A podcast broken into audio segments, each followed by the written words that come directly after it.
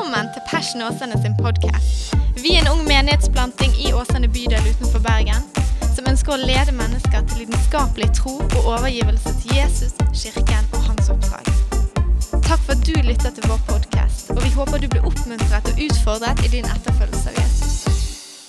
Forrige gang så begynte vi på en miniserie, og vi skal få lov til å avslutte den i dag, som går under taletittel 'Frykt ikke', eller som vi sier på bergens 'Frykt ikke helt rett. vet du. Vi er stolt over vårt vokabular og vår aksent. Det er vi.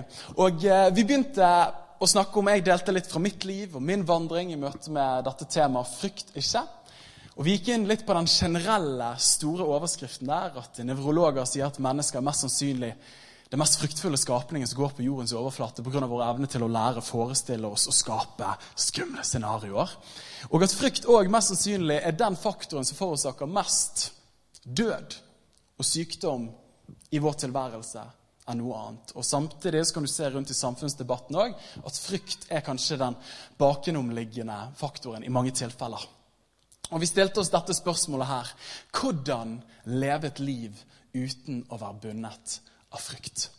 Og Det står ikke her 'hvordan leve et liv uten frykt', for jeg tror at uansett hvor vellykket, suksessfull, sterk, gjennomarbeidet, prosessert og liksom kom til tu med livet ditt, så tror jeg at vi alle kommer til å møte på frykt i større eller mindre grad. Men jeg tror at vi har et valg om vi har lyst til å la oss binde av det, eller om vi har lyst til å la frykt skrive vår fortelling, eller at vi lar frihet få skrive vår fortelling. Der tror jeg at vi alle har et valg. For å repetere veldig kort, så snakket jeg forrige gang om at jeg tror at bak fangenskap og frihet i livet vårt, så er det en lignelse, eller en ligning, eh, som for min del har gitt meg mye mening. Og det er dette her at fangenskap, at frykt er en form for fangenskap. På samme måte som tungsinn, som lavt selvbilde. Det er ting som holder oss tilbake, det er ting som binder oss. Men bak hvert fangenskap så opplever jeg for mitt liv, og jeg tror at jeg ikke er altfor unik, jeg tror det er litt sånn allmenn presedens på akkurat det der, at vi tror en løgn som skaper en vrangtro, og som Bibelen kaller for vantro, som resulterer i fangenskap. Så det at Hvis du kjenner på frykt, og da snakker jeg ikke om sunne frykter, som jeg nevnte forrige gang, men de fryktene som binder oss og holder oss tilbake fra å leve det livet som vi er ment å leve. Hvis du kjenner på det, som jeg tror vi alle gjør i større eller mindre grad, så er det en løgn som ligger bak der.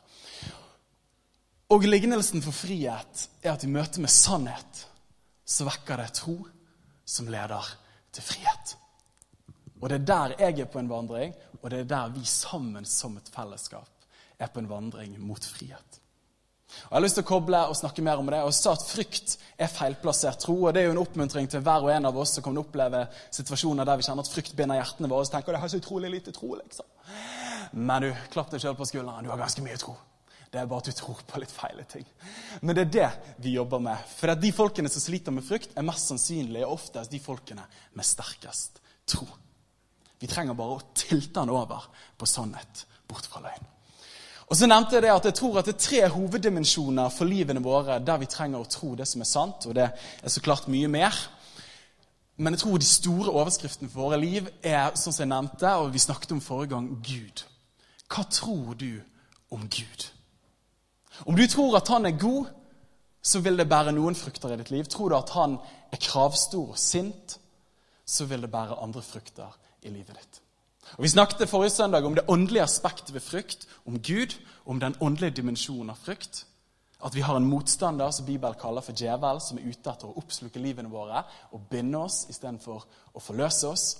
Og så snakket, tror jeg òg at menneskekroppen henger sammen ved ånd, sjel og kropp. Og vi snakket om menneskets åndsliv forrige gang. Men denne gangen her Jeg vet ikke om dere ser det, men ser dere de litt sånn her fete liksom, De kommer inn av seg sjøl.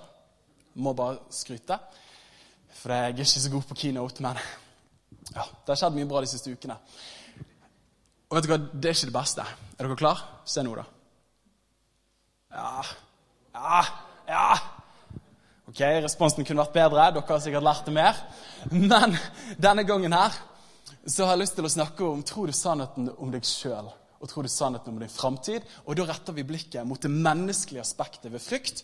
Og av ånd, sjel og kropp. Og vi snakker om menneskets sjelsliv og menneskets kropp. Og Håper å kunne få lov til å navigere og si noen velvalgte ord der. Så det er utgangspunktet. La oss ta ben kjapp bønn før vi fyrer av gårde her. Jesus, vi takker deg for at du er virkelig. Jesus, jeg takker deg for at du er Jesus, at du er friheten, sånn som vi snakket om forrige gang. At du, Jesus, du kom for å sette fanger i frihet. Og Jesus, du kom for å lede våre liv inn i fred, inn i frihet, Jesus. Herre, du er sannheten som setter dypest sett fri. Og Jesus, jeg ber for de øyeblikkene vi deler, far. Jeg ber om at du ved din gode, gode ånd skal få lov til å åpne våre hjerters øyne. Til å se hvem du er, Herre. Til å kunne få lov til å, å lære mennesket å kjenne.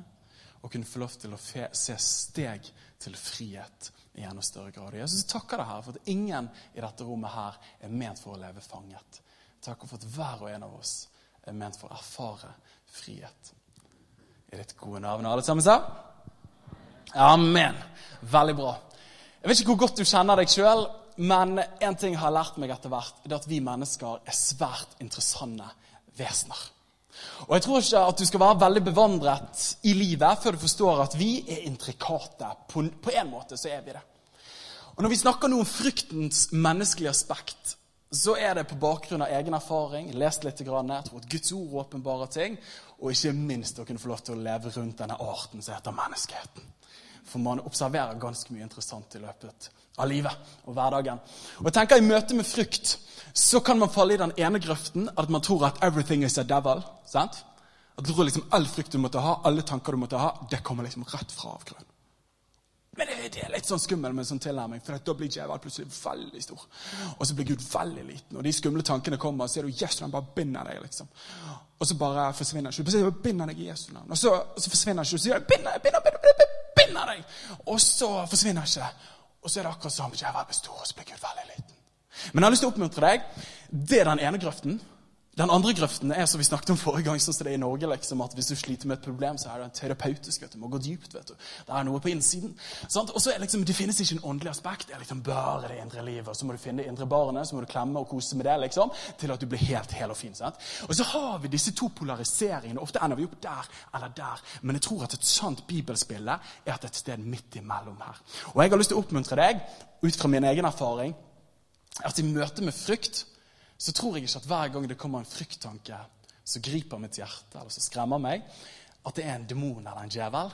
Jeg tror kanskje opphavet til en løgn kan komme fra åndsverden, men som regel er det at det har gjort et inntrykk på sjelslivet vårt. Det skremmer oss, og så spiller vi det igjen og igjen. Det er akkurat som en dårlig film. sant? Og så bare spiller du den igjen og igjen. Og så bare vet du ikke hvordan du skal skru av den filmen. Og Jeg sier det sånn som dette her. Jeg syns dette er morsomt, men dette er litt beskrivende for mitt liv og sikkert for deres liv. Jeg kaller det fryktsyklusen. Du begynner å få en fryktfull tanke. Fascinerende. sant? Du får en fryktfull tanke, eventuelt at du opplever at du har en venn som har gått gjennom et sykdomsperiode eller noe tilsvarende. Kanskje vedkommende har hatt kreft og hatt kreft i lungene. Og så får du plutselig en fryktfull tanke når du sitter hjemme en kveld. og bare, Hva om jeg, hva jeg har kreft, liksom? Og så skaper det en biologisk reaksjon i kroppen vår. At hver gang jeg vet ikke om du er klar over det, men det har vært en liten sånn åpenbaring for meg, at hver gang jeg tenker en tanke, så skaper det en biologisk reaksjon i min kropp. At det skaper en kjemisk, elektronisk greie som forløser noe i kroppen min. Og det skaper en følelse, og så kan det skape andre symptomer. Så det at du tenker Tenk hvis jeg har kreft, liksom. Og så plutselig så går det signaler inn i hodet ditt. Det er litt menneskelig. Det andre kan det bedre enn meg, men det er sant. Og så plutselig skaper det en følelse av frykt inni oss. Ja, tenk om jeg har kreft i lungene. Og før du vet ordet av det, så er det akkurat som du kjenner du puster tyngre. Bare sånn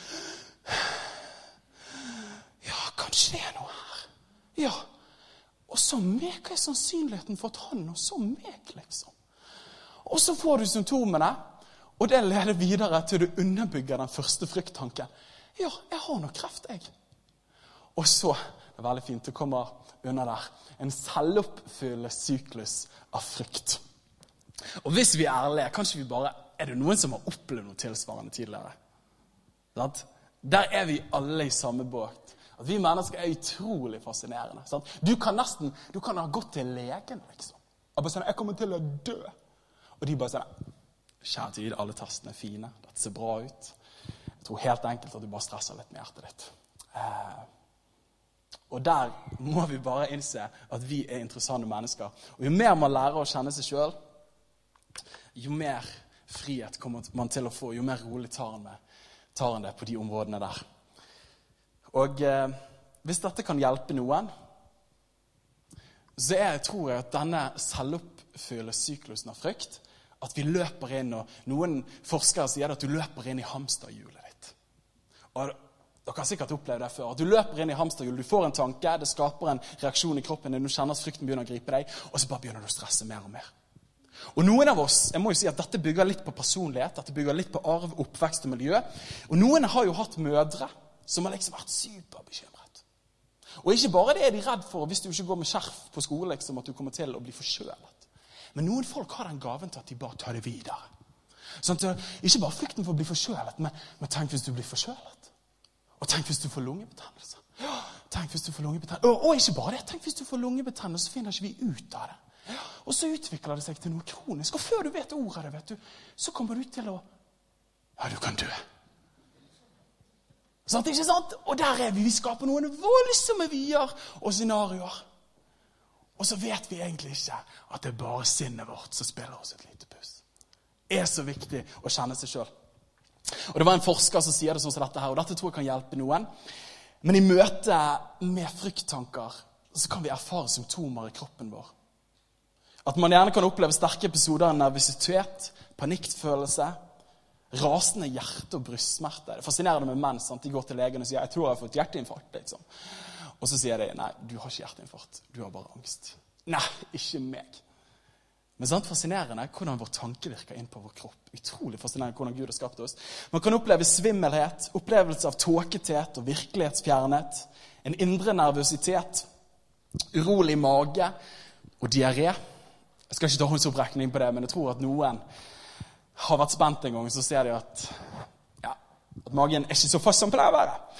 Varme- og kuldetokter Yes, Nummenhet og merkelige kløer og smerter og muskelspenninger. Man kan oppleve det.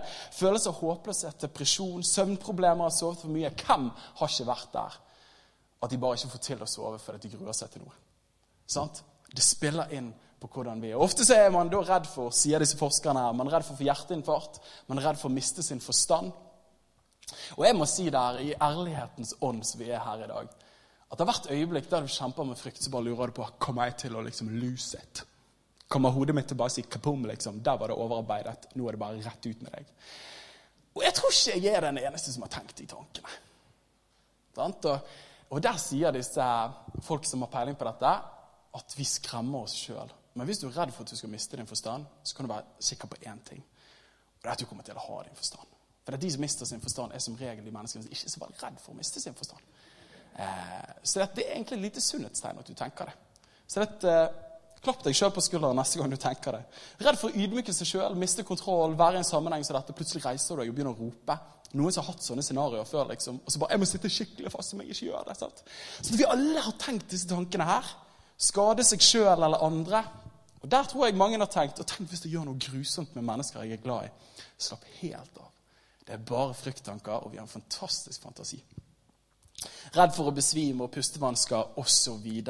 osv. Jeg vil si det sånn at ofte de gavene som Gud har gitt oss til å forestille oss ting, til å være visjonære, til å være kreative, til å skape ting, de kan visjonere en harmonisk familietilværelse, men det samme kan bli brukt til å, å visjonere grusomme scenarioer. Det er samme verktøy, på en måte, vår forestillingsevne, men vi skremmer oss sjøl. Vi bruker den mot oss sjøl.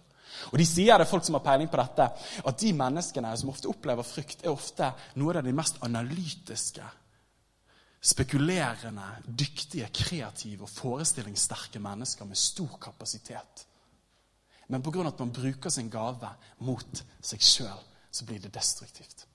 Og Det er helt rått de siste årene å få lov til å være på en sånn vandring at du kan tenke deg frisk, og du kan tenke deg syk. Veldig interessant hvordan Gud har skapt oss. Det er en kvinne som er god på dette, så sier det sånn som dette. At the cause of your anxiety is the way you think. Grunnen til din frykt er måten du tenker på. Your anxiety is under your control. You created the negative thoughts. I hvert fall du spiller de om igjen. Therefore, you can stop them. Fantastisk. Og uh, Dette her er tydelige ord, men det er sanne ord. Og det er to bøker. Jeg bare slenger det ut for dere hvis det er noen som kjenner at dette har jeg lyst til å studere mer. Den første boken er fra Panic to Power, en klassiker på dette området. her. Kristne, begge forfatterne. Men tar for seg et menneskelig perspektiv og tilnærmelse til frykt i livet sitt. Og Den andre, Who Switched Off My Brain. Noen har opplevd det tidligere. Hva skjedde med tanken min der? liksom? Her er en eh, kognitiv hjerneforsker, en kristen forkynner, som skriver om hvordan våre tanker påvirker vår kropp. Men i møte med alt dette her så tror jeg det er så viktig å tro sannheten om seg sjøl. Vi lever i et samfunn i dag der forskere sier at en amerikansk ungdom innen han er 18 år gammel, har sett 1 million TV-reklamer. Kan du tenke deg det? 1 million TV-reklamer. Det er så mye. Altså, Du kan telle i en uke liksom, før du kommer til en million. Nesten. Eh, så mye. Og hvem vet at de reklamene der, det er reklame med agendaer, med inntrykk som sier at du skal være sånn, du skal se sånn ut, osv. Og, så og samfunnet vårt er overpreget av inntrykk. Og du har aldri blitt eksponert for mer enn det mennesket blir i dag. Og Midt i denne her senmoderne, postmoderne prosjektet som vi er en del av, så er det ett, en setning som går mer og mer igjen, og det er 'Hvem er jeg?' Og Dere har hørt det uttrykket der at eh, 'jeg må bare finne meg selv'. Ikke sant? Jeg må bare finne meg selv. Hvem er jeg egentlig? Hvem er jeg? Jeg må prøve ut ting. Hvem er jeg? Og så har vi gått med på en sånn tanke om at vi må finne oss sjøl. Og det er akkurat som mennesker roper etter 'Hvem er jeg, og hva holder min framtid for meg?' Og Jeg tror at Salmo han sier det veldig bra. Han sier at som man tror i sin sjel, slik er han. At måten du ser deg sjøl på, måten du oppfatter deg sjøl på, vil definere hvordan du er, og hvordan du lever livet ditt. Og Derfor tror jeg at vi har et samfunn der man hele tiden strekker det litt lenger, der man prøver litt flere ting, der man får ulike grupper og interesseorganisasjoner og gruppesamhold. Fordi at man blir definert ut ifra sine følelser, sine tanker, sine tilnærminger, sine tilbøyeligheter. Og så blir det masse sånn greier. En jakt etter hvem er egentlig jeg. Men her tror jeg at det er så viktig for oss som er kristne. Og salmisten sier det, for hos deg, Gud, er livets kilde. Og i ditt lys så ser vi lys. Jeg tror det er så viktig at vi ser hvem vi er i lys av Han som skapte oss, Han som tenkte oss, Han som elsket oss. Og ikke hva vi måtte føle, tenke, oppleve, ikke oppleve osv. Han er den som definerer oss. Og Jeg sier det sånn som dette at virkelig frihet finnes bare i den virkelige sannhet. Og Jesus sier det i Johannes 14, 14,6, så sier han at 'jeg er veien, sannheten'. Det er én sannhet, sannheten og livet. Jesus er den. Jeg tror at i hans lys så ser vi lys. Og jeg tror at Gud er sannhetskompasset som vi er nødt til å styre vårt liv etter og vår framtid etter. Og I møte med det så har jeg lyst til å snakke med dere i dag om noe som har kunnet fått lov til å hjulpet mitt liv. Og Det er det her å styre sin sjel. Dette er en sannhet som vi trenger å ta opp, som Bibelen faktisk løfter opp ganske mye. Det å styre sin sjel og sitt sinn. Som jeg delte forrige gang, så opplever jeg at min vandring og min historie har vært en historie der frykt ved ulike sesonger har prøvd å gripe mitt liv. Og det har vært sesonger som har vært gode, og det har vært tider som har vært tyngre. Og når jeg ser tilbake på min historie, så har det vært en historie der man overlever mer enn at man overkommer vært en historie av at noen tider oppleves greit, og da er livet godt, mens andre episoder og tider er litt vanskeligere, og da er det mer krevende i møte med frykt. Men jeg tror at en av de nøklene som har hjulpet meg mest, og som jeg tror kan hjelpe oss som et fellesskap og i din vandring med frykt, er nettopp dette her at du er kraftfull. Og Skal vi si det sammen? Nå er vi litt American, men det går bra. Skal vi si på tre? Jeg er kraftfull. Én, to, tre kraftfull. Det er helt sant! Du er kraftfull! Og eh, Dette er ikke en stor norsk bragd, men hvis du tar det ordet og bare deler det midt på liksom, sant? Altså, Nesten midt på kraftfull. Du er full av kraft. Og Når du sier det på amerikansk, så er det litt mer schwung over det. You're powerful. Sånn, du er full av power. Du er kraftfull. Og Den dagen jeg leste det i en bok, og den dagen akkurat som jeg opplevde Den hellige ånd begynte å tale til mitt hjerte, og sa Daniel, du har blitt kastet rundt omkring av ulike tanker, følelser, erfaringer. Fram og tilbake. Bibelen sier det i Isaiah 54, så står det du som har blitt kastet hit og dit. Du skal få lov til å bli fast. Og Jeg tror vi alle opplevde at vi ble kastet rundt om. Men Gud sa til meg Daniel, eller opplevde Den hellige ånd sa Daniel, du er kraftfull. Du er ikke et offer. Du er ikke et offer, men du er en aktør. Og Daniel, du er ikke bare alt som skjer med deg, men du bestemmer hva som skal skje i ditt indre landskap. Og det, Den gangen jeg begynte å si vet du hva, disse tankene kommer, disse følelsene kommer, jeg kjenner på frykt, da har jeg et valg. Vil jeg flykte, eller vil jeg stå fast og si at ok, det kommer, men jeg er kraftfull. Jeg er ikke et offer for mitt indre menneske, men jeg kan lede min sjel i sannhet. Og Dere har nok opplevd det før, at når frykt kommer, så har du lyst til å flykte. Ikke sant? Da flykter man, da går man rett inn på telefonen. liksom. Vært i sosiale sammenhenger, du kjenner ikke folk før. Det, er bare, det funker hver gang. Kjenner ingen, så later du så du er trygg. vet du, Drar opp telefonen, så bare begynner du tekst osv. Men det er egentlig folk som bare sier 'hjelp, jeg er redd'. Og tror vi alle kjenner oss igjen i det. Vi flykter når vi frykter. Men slutter du å flykte når frykt kommer, så kommer du til å stå fast, og du kommer til å vinne. Altså, det jeg sier nå, er så sant. Og det er ikke sikkert at frykten slipper taket liksom 20 sekunder etterpå. Jeg tror det er en livslang vandring. Men jeg tror mer og mer så begynner man å lede sin sjel og lede sitt liv. Jeg opplever det i denne vandringen her og tilvenningen til min frihet som vi snakket om. Så opplevde jeg at akkurat som Den hellige ånd pirket bort meg en dag. Og så sa han, 'Daniel, du ser på deg sjøl som en fryktfull mann.' Du ser på deg sjøl som en mann som har kjempet med frykt. Og så sa han, 'Daniel, du er ikke Daniel den fryktfulle. Men du er Daniel den fredfulle. Så mann tror i sitt hjerte, slik er han. Og Det var akkurat sånn Helligånd sa Daniel, du trenger å forandre måten du ser deg sjøl på. For det er du en fredfull mann. Og Når jeg da kommer i fryktfulle situasjoner, hvis du tenker at jeg er fryktfull, så løper du. Men hvis du kommer i fryktfulle situasjoner og sier vet du hva, jeg er en fredfull mann, da lander man og sier vet du hva, denne frykten har ikke makt over mitt liv. Hver dag så står jeg i speilet hjemme og så sier jeg, Daniel, du er kraftfull. Du har makten til å velge. Alltid til å velge. Du er ikke et offer, og du er fredfull, og du er fri. Hver dag. Du kan enten la livet diktere deg, eller så kan du definere livet. Valget er ditt.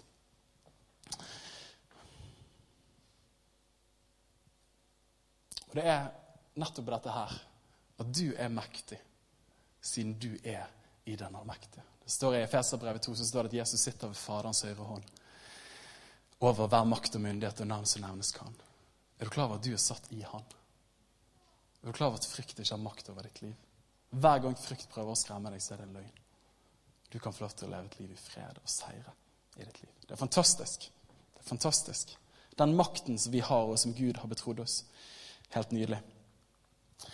Noen vers som har fulgt meg fra tidlig ungdomstid, har vært disse versene her i ordspråkene. Den som er sent til vrede, er bedre enn den som er mektig. Og den som kan styre sitt sinn, eller sin ånd, er bedre enn den som inntar en by. Og husker når jeg var 13 år gammel, kom på Kanalio ungdomsmiljøet her, så var det liksom Let's take the nation. sant? Vi skal bare ta byene for Jesus. Og husker at store vyer, store visjoner. Men så er det akkurat som i løpet av årene at Gud har spurt Daniel, det skal du få lov til å gjøre. Og jeg kjenner et kall til å gjøre det. Men akkurat som jeg er mer nidkjær for at du inntar din indre by og leder ditt indre før du tar det ytre. Og Det er en større bragd å møte en person som har et landet liv, enn en person som har stor prestisje å kunne vise til, men som er rastløs på innsiden. Det er en større bragde. Det står videre så sier han at den som ikke kan styre sitt sinn, er som en nedrevet by uten myr.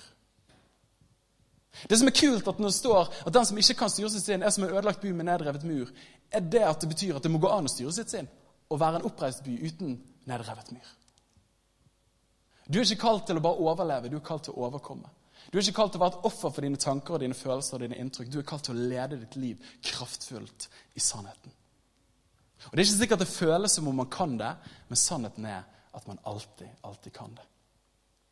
Og Paulus sier det sånn, for at våre stridsvåpen er ikke kjødelige, men i Gud er de mektige til å rive ned festningsverk.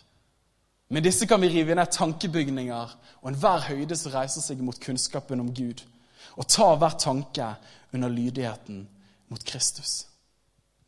Dette er jo ikke bare fine filosofiske betraktninger av Paulus som sier at dette kan være bra å tenke på en gang du opplever at ting kommer imot deg. Nei, Han skriver på bakgrunn av erfaring av å lede sitt liv i sannhet. Og han vet at det kommer til å komme eh, tankebygninger, det kommer til å komme festningsverk, det kommer til å komme høyder som vil prøve å fortelle deg hvem du er, hva du skal, og hva du ikke skal, og hvem du ikke er. Men hva gjør han da? Lar han det komme mot seg? Nei, han stiller seg opp og sier han, jeg ser at det kommer, men jeg tar det til fange, for det er ikke sannhet. Og så leder han sitt liv i sannheten. Og det står det sånn I Romerne 12,2 så står det at 'bli forvandlet ved fornyelsen av deres sinn'. Vi alle ønsker å bli forvandlet til frihet. Hvor begynner det? Ved at ditt sinn fornyes.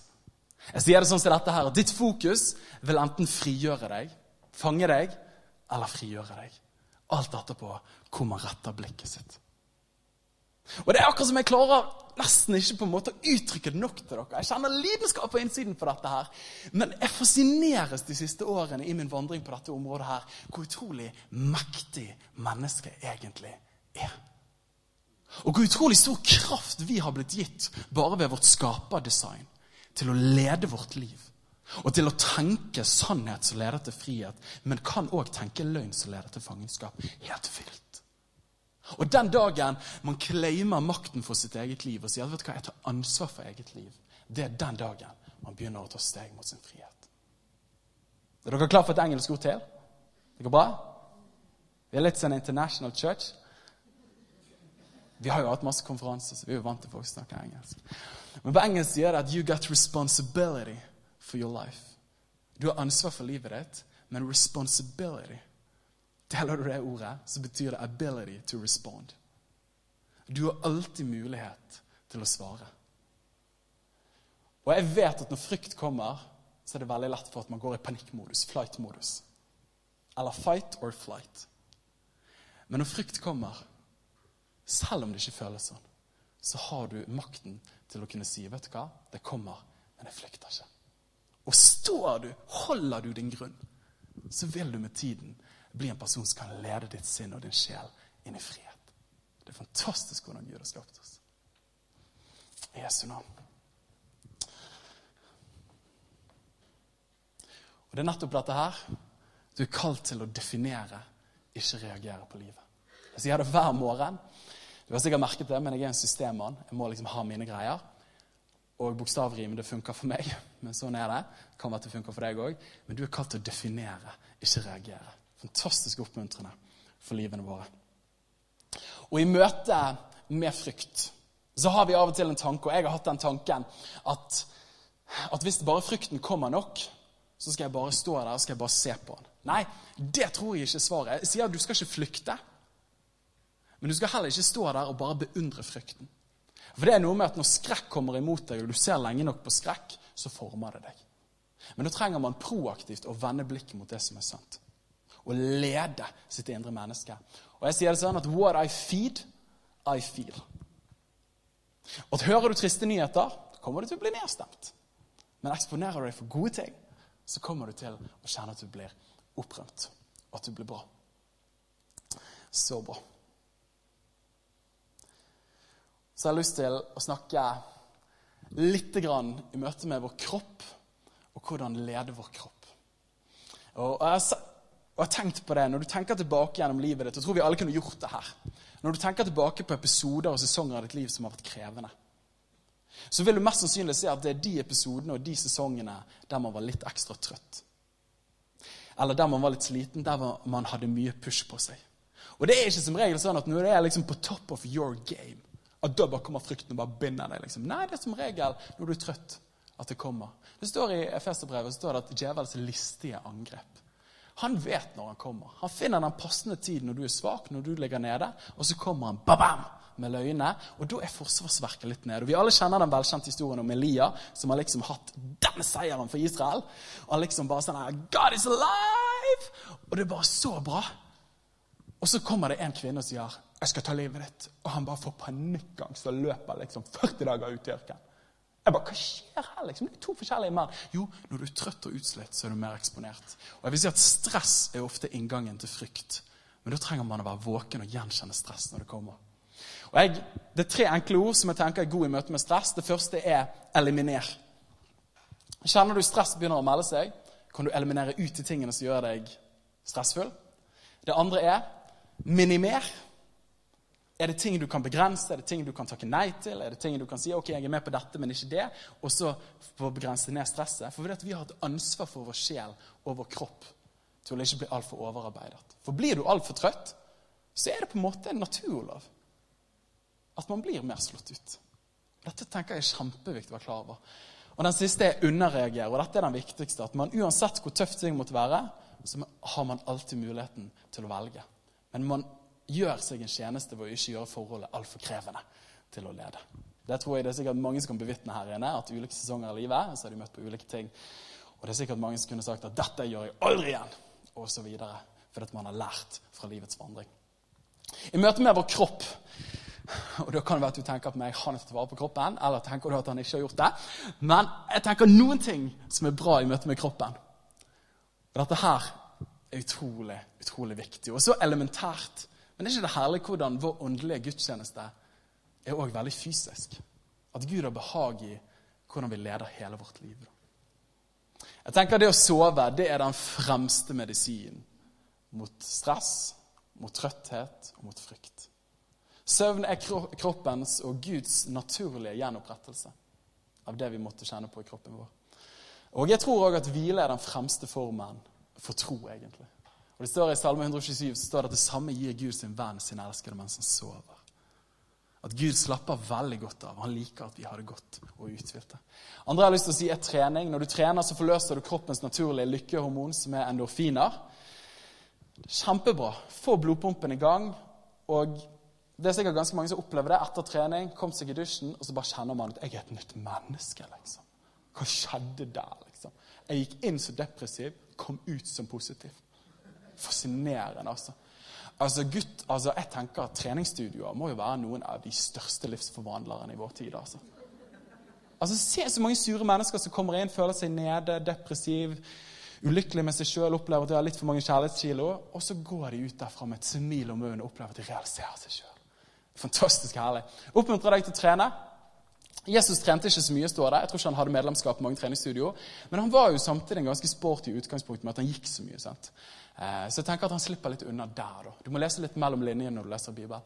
Eh, kosthold tenker jeg er viktig. Her skal jeg ikke uttale meg altfor mye. Jeg har ikke altfor mye bra å si her. Helene prøver å formane meg til å leve et liv i sunnhet. Og eh, vi er på vei. Så don't judge me. Det er retningen det handler om, ikke destinasjonen. Kosthold er viktig. Du blir hva du spiser, sier noen. Jeg tror det stemmer. Det andre er rekreasjon. Helt ærlig, noen av dere burde faktisk bare få dere et kinokort på Bergen kino.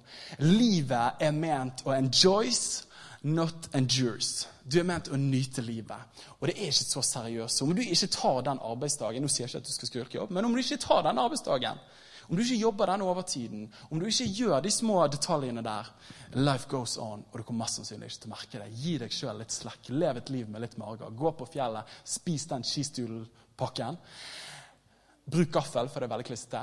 Eh, og bare vær med venner, ha det kjekt og skap et rom i livet ditt. Det andre jeg skriver her, er så mye som eh, oppkledning. Og Der kan du tenke Daniel, der master deg. Vet du hva? Er det noen som har opplevd det at dere har vært syk før, hatt litt feber, og så er du på vei til å bli bedre, så går du i dusjen, og så kler du deg opp? Hvordan kjenner du deg da? Du kjenner deg bedre. Ikke sant? Det er ikke veldig åndelig i dag, men samtidig veldig åndelig. For at måten du kler deg på, sier et budskap til deg sjøl når du står i speilet. Er du kraftfull, ja, men så kler deg som en kraftfull person. Og jeg tror at Mange mennesker som opplever at livet er vanskelig på innsiden, jeg ser det på måten de bærer klærne på. Og noen har bare elendig klessmak. Men det er en annen sak. Eh, men jeg tror det er viktig. Tenk gjennom hvordan du kler deg. Og Jeg oppmuntrer ikke deg til å gå over budsjettet, men det er mulig å være oppreist og kraftfull i måten man bærer seg sjøl på. Det tror jeg er viktig. Og Det siste jeg skriver her, er sollys og friluft. Vitaminer, du får lungene fulle osv. Det er bra. Jeg skal ikke snakke altfor lenge til, men jeg har lyst til å si et par vers på slutten her. Jeg har lyst til å, å bare lande det litt i en helhet her. Jesaja sier det sånn som dette her, at du skal bevare den i fred. Ja, i fred. Og På engelsk står det 'perfect peace'. Den som har grunnfestet sin, for han stoler på deg. Jeg tror at livet vårt, og jeg ser for min egen del, at min livsvandring er egentlig mer og mer en vandring og mer og mer å stole på Gud. Og jeg tror det er for flere av oss akkurat det. Og når jeg stoler på Han, når jeg stoler på Hans ord, Hans person, Hans vilje, så blir mitt sinn grunnfestet. Så blir det fast, og så får det faste kår å stå på. Og det igjen genererer fred, varig fred i livene våre. Jeg opplevde for en tid tilbake, for et par år siden, å være på en, være en sesong der jeg opplevde at frykt grep meg. Og så var det akkurat som jeg opplevde å få et bilde Den hellige ånd viste meg. Og så så jeg et strengeinstrument, jeg tror det var en fiolin eller noe sånt, som var veldig hardt stemt. Så var det akkurat som det slo meg at jeg er stemt etter noen stemmer rundt meg. Etter noen tanker i meg, og etter noen bilder som skremmer meg. Og så får man et indre landskap, og sine sjels strenger blir så stramme og så stressende at lyden som kom fra mitt liv, var ikke harmonisk. Har vi opplevd det? At vi er så stemt så hardt på innsiden etter ulike idealer, etter ulike gjøremål, etter ulike nederlagsfølelser. At vi blir så stramt stemt at vi er veldig ubehagelige å være rundt. Mødre og fedre som er sure med barna. Hvorfor det? Jo, fordi det er stramt, stramt på innsiden. Så opplevde jeg Helligånd sa til meg, Daniel, du trenger å stemme din sjel etter min sannhet. Du trenger å stemme din sjel etter min sannhet. Og Et vers som har vært viktig for meg der, er Jesaja 30, 15. og Det oppmuntrer alle dere til å bare meditere. La det bli deres vers, dette verset her. Men her sier han hvis dere vender om og hviler. Og det er deilig å hvile. Det er lov til å hvile. Det er åndelig å hvile. Det er ikke noe kult med å være utslitt. Hvis dere vender om og hviler, skal dere bli frelst. For i stillhet, et annet oversettelse kan si hvile, og tillit skal deres styrke være. Og Jeg har et lite sånn setning som jeg sier til meg sjøl hver eneste dag og i ulike situasjoner. Jeg sier 'tro og hvil'. Tro og hvil. Jeg tror at alt du møter i livet, kan få lov til å møtes med 'jeg tror Gud', og så hviler jeg. Disse to ordene her, om du trenger å liksom tatovere dem på deg, eller på din ektefelle Få dem på plass. Og en tilnærming, en livsrytme. For vi alle har rytmer i livene våre. Vi alle har toner i livene våre. Men hva er det stemt etter? Hva er metronomen? Hva er, hva er rytmegiveren til livet ditt? Jeg tror at det er ment å være tro til Gud, og så hviler jeg. Frykt kommer. Du må rekke det. Du må være sånn. Du må være flinkere på det. Du mislykkes der. Ok, det kommer. Ok, men jeg tror det, er Gud. Og så hviler jeg. Og så lever jeg et liv der jeg leder til indre landskap i det som er sant. Så spørsmålet jeg stiller, er nettopp dette. Hvordan kan du og meg leve et liv uten å være bundet av frykt? Og jeg sa det sånn som dette her, at steg til den friheten som allerede er din, som ikke en dag skal bli din, men som er din, er nettopp dette her. Erkjenn tingene som er vanskelige i livet. Når det kommer frykt, når det kommer tanker som skremmer Fornektelse er en frukt av frykt. Men erkjennelse av faktaene er en frukt av tro. Og det er forskjell, bare slenger det en forskjell på fakta og sannhet. Fakta sier at sånn er det. Sannhet er noe som Gud sier er sant. Du kan ha en diagnose, men Guds ord sier at det finnes helbredelse. Lev ut fra sannhet og ikke fakta. Erkjenn det, omvend det når det kommer en tanke, en løgn. Jeg erkjenner at han kommer, jeg løper ikke fra han, men jeg dyrker han heller ikke. Og så omvender han meg til Gud og sier, Gud, jeg gir denne tanken til deg. Og så slipper jeg han hos Jesus. Og så til slutt bekjenne. Og så tar jeg til meg det som er sant. Tre enkle steg som har makt til å fornye og lede sinnet ditt inn i sannheten som Gud har for livene våre. Jeg må si det at frihet er ikke en engangsopplevelse. Men frihet er en måte å vandre på. Frihet er ikke en engangsopplevelse. Vi kan oppleve det. Jeg hadde opplevd frihet, og så slo det tilbake igjen. Nei, nå har jeg rykket tilbake til start. Og jeg har tenkt det flere ganger. Nå rykker jeg tilbake til start. Vet du hva? Der tror jeg at vi trenger å oppmuntre hverandre også. Med livet med Gud så rykker du aldri tilbake til start, som i stigespillet. Med livet med Gud så er det ingen stiger som tar deg nedover. Med livet med Gud så går det alltid framover. For greien er, altså Romerne 8,28 sier at alt tjener til det gode for den som elsker Gud. At det som skjer, det er, det er ikke et tilbakesteg, det er et framsteg. Og det at du kjenner den frykten igjen, og de tingene som du trodde du hadde vunnet over, det er ikke det at du blir svakere. Nei, på ingen måte. Det er at du grunnfester din frihet. Det er så viktig at vi tenker dette her. For at med Gud så går det alltid framover. Jeg sier ikke at du ikke kan møte på tøffe ting igjen, men du blir sterkere for hver gang. Og du får mer håp å gi til andre mennesker, og du får mer tro i bagasjen, og du blir mer oppreist, og du får mer frimodighet til å reise deg neste gang. Ikke vær så hard med deg sjøl. Det går framover, og du gjør det langt bedre enn det du faktisk tror. Det er faktisk sant. Så dette her er det jeg kjenner på til dere. Og vi snakket i dag om det menneskelige aspektet ved frykt. Du er fantastisk underfullt skapt på skremmende vis, som salmisten sier. Og Der tror jeg vi kan være enige av og til at det er skremmende hvordan vi er skapt. Men på samme tid, vi er kalt til å lede vårt sinn i sannhet. Og det finnes frihet for alle og enhver i dette rommet her. Det tror jeg på. Skal vi ta og be sammen? Jesus, vi takker deg her for at du er den du er. Og Jesus, jeg takker deg for at du har skapt oss på underfullt skremmende vis, Herre. Men takk for at det er underfullt, Jesus. Og Jesus, takk for den makt du har gitt oss, Herre. At når du sier 'frykt ikke', så er ikke det bare en fin oppfordring, men takk for at det finnes faktisk en mulighet til å ikke frykte det. Og Jeg ber deg for alle og enhver av oss, Gud, at du skal lede oss og lære oss i å lede vår sjel, i å lede vår kropp til sunnhet og til helse. Og jeg ber om at frykt skal ikke få skrive vår fortelling, men frihet skal få skrive vår fortelling. For våre barn, for våre barnebarn og for vår verden. I Jesu navn. Og alle sammen sier Amen. Takk for at du lyttet til Passion Åsane sin podkast. Hvis budskapet inspirerte deg, del det gjerne videre, slik at enda flere kan bli styrket av Guds ord. Gud har en plan for ditt liv. Følg Jesus lidenskapelig og bety en forskjell for mennesker i din verden.